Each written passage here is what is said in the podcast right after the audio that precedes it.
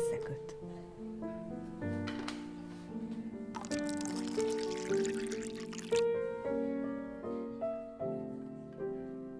Minden szenvedőnek öröme.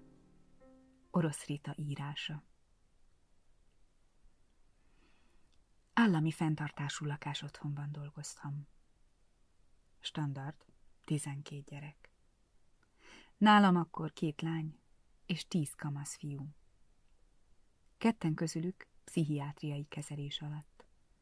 De mindegyikük sok-sok nehézséggel, lelki, némelyikük fizikai sérüléssel.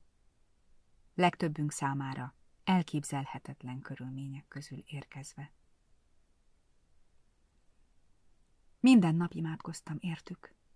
Más eszközöm nem is nagyon volt. Szeretni őket, és imádkozni értük. Egyszer elvittük őket a férjemmel pálfalára. Életükben először vettek részt Parakliszon.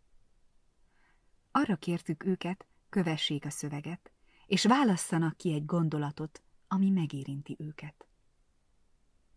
Nagyon nem mertünk bízni abban, hogy ez meg is történik, hiszen sokuk olvasási nehézségekkel is küzdött. A szertartás végén ért a meglepetés. Kivétel nélkül mindenki felidézett egy-egy mondatot, vagy csak szót, és meg tudott fogalmazni valami személyeset azzal kapcsolatban. Erősíts meg engem szeretetedben, mert én még csak most kezdem érezni, milyen lehet szeretetben élni. Ments meg minket, minden bajunkból. Vagy nekem az egész tetszik, ahol az volt, hogy minden szenvedőnek öröme. Rita néni, mi az, hogy pártfogó, meg közben járó? Figyeltek. Nyitottak voltak.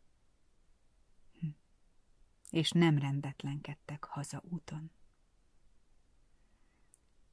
Szerintem ez az Isten anya meglepetése volt.